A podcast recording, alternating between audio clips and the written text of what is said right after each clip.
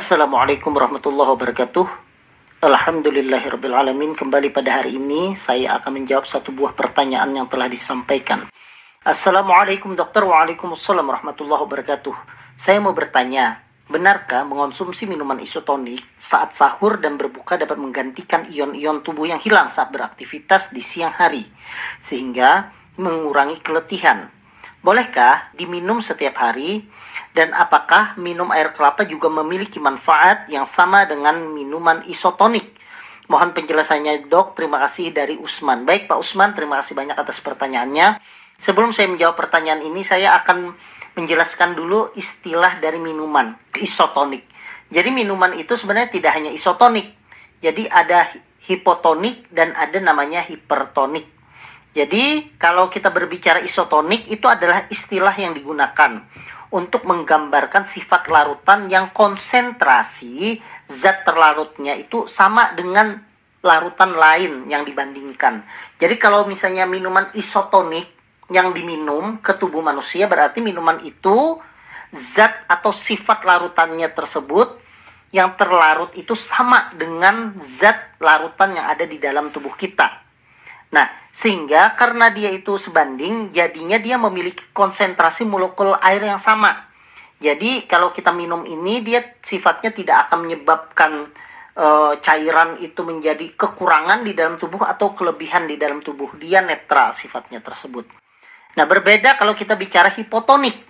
Hipotonik itu adalah istilah yang digunakan untuk menggambarkan sifat larutan dengan konsentrasi zat terlarut yang relatif lebih rendah dibandingkan zat larutan lain dalam hal ini adalah tubuh kita.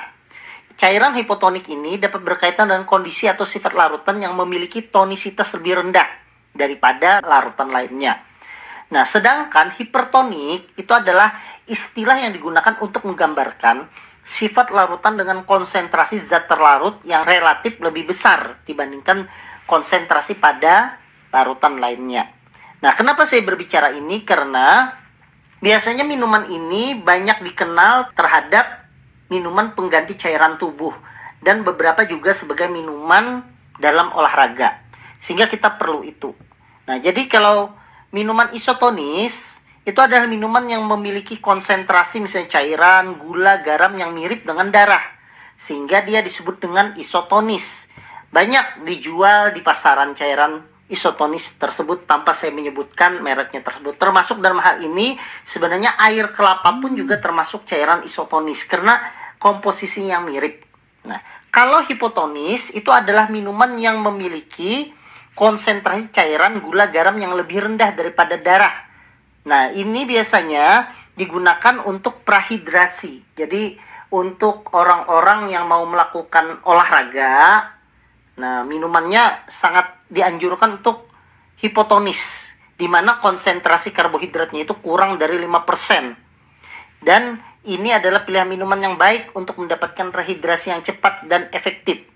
Misalnya, minuman ini juga diberikan kepada uh, olahragawan dengan durasi latihan yang pendek atau misalnya dalam cuaca yang panas. Nah, ini cairan-cairan hipotonik itu bagus digunakan. Nah, kalau yang hipertonik itu adalah minuman yang mengandung karbohidrat dalam dosis yang besar.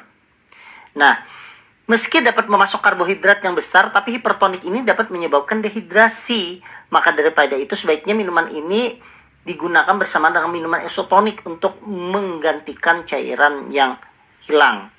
Nah, jadi kalau yang manis itu seperti apa? Es teh manis itu namanya cairan-cairan hipertonik. Biasanya digunakan pada uh, keadaan tubuh kekurangan kalori. Nah, kita bisa menggunakan hipertonik. Nah, sekarang kita berbicara isotonik.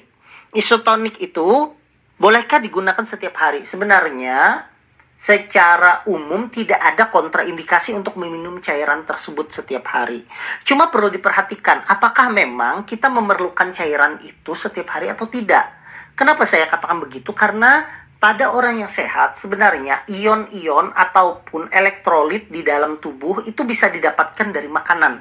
Jadi kalau seseorang tersebut sehat, makan yang bergizi, makan nasi, makan lauk, kemudian e, minum susu, kemudian makan sayur-sayuran dan buah dan minum air putih, sebenarnya semuanya sudah tercukupi untuk kebutuhan elektrolit dan ion yang ada di dalam tubuh.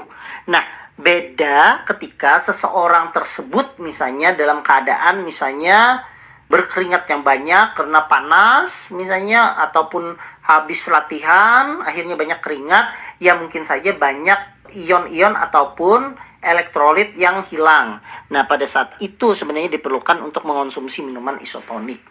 Nah, jadi sebenarnya tidak ada kontraindikasi, tetapi menurut saya sendiri kalau seandainya memang kita makannya bagus-bagus saja, tidak diperlukanlah meminum itu setiap hari. Karena nanti cenderungnya adalah mubazir atau boros. Karena kadang hal tersebut tidak diperlukan malah kita minum karena harganya yang mahal malah itu hitungannya adalah pemborosan. Bahkan hati-hati pada penyakit-penyakit tertentu, misalnya pada penderita penyakit ginjal, kalau kita minum cairan isotonis yang terjadi adalah kaliumnya bisa meningkat tinggi. Nah, kalau kaliumnya meningkat tinggi, maka itu akan menyebabkan hiperkalemi yang akan menyebabkan gangguan jantung dan itu sangat berbahaya. Kemudian bolehkah e, minum air kelapa?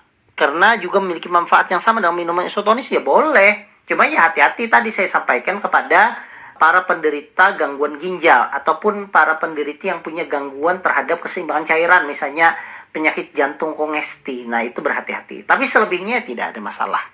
Mungkin itu saja Bapak Usman yang bisa saya jelaskan. Semoga itu bermanfaat untuk kita semua dan semoga kita semua yang mendengarkan penjelasan ini diberikan kesehatan oleh Allah Subhanahu wa taala.